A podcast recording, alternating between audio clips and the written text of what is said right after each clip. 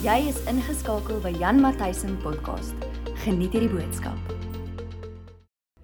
Haai julle, hoop dit gaan goed. Hoop dat elke een regtig nou al bietjie begin bid het en dat hierdie video's jou help om jou gebedslewe meer aan die gang te kry.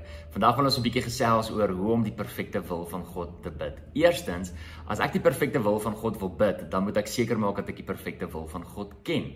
En vir dit om te gebeur, moet ek my gedagtes vernuwe en my gedagtes in lyn kry met sy gedagtes. Romeine 12 vers 2 sê, "Do not be conformed to this world, but be transformed by the renewing of your mind, that you may prove the good, acceptable, perfect will of God." Met ander woorde, die oomblik wanneer ek my gedagtes vernuwe, dan kom my gedagtes in lyn met God se gedagtes en dan kan ek letterlik God se wil begin ken. Paulus bid in Kolossense 1 vers 9 in die B gedeelte that we do not cease to pray for you and to ask that you may be filled with the knowledge of his will in all wisdom and spiritual understanding. En daar's 'n gebed wat jy letterlik kan bid om te sê Here, help my, vul my met die kennis van u wil, want ek wil u wil ken.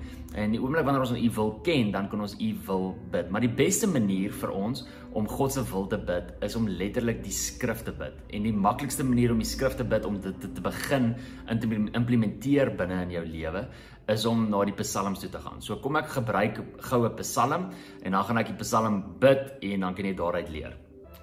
Psalm 23 is 'n baie goeie gedeelte wat ons kan gebruik. Dit is 'n bekende gedeelte en omdat baie mense dit ken, is dit sommer 'n maklike ehm um, gedeelte wat 'n mens kan gebruik om te bid. Dit begin deur te sê, "The Lord is my shepherd, I shall not want." En al wat jy dan doen is die volgende: Vader, dankie. Dankie dat U na my kyk. Dankie dat U my beskerm.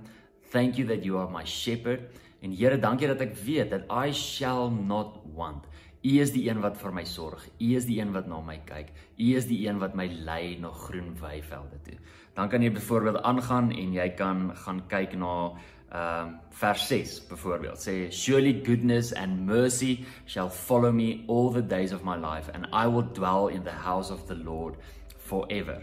En bid ons en sê Vader, ons eer U vir die feit that goodness and mercy will be a part of my life forever. Dankie dat waar ook al ek gaan, wat ook al ek doen, enigiets wat ek aanpak, dat u goodness en u mercy, u goedheid en u guns deel sal wees van my lewe.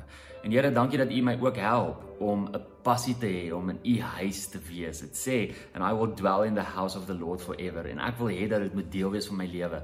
Mag daar 'n passie en 'n begeerte in my hart wees om vir ewig binne in die huis te wees. Dis so eenvoudig soos dit. So eenvoudig soos om letterlik net die skrifgie te lees en dit net vir die Here te bid. Dan bid jy die perfekte wil van God. Ek hoop dit help jou. Tot 'n volgende keer. You. Dankie dat jy saam met ons geluister het. Onthou om te subscribe op hierdie podcast. Volg ook vir Jan op Facebook en YouTube. Tot 'n volgende keer. Die Here seën jou.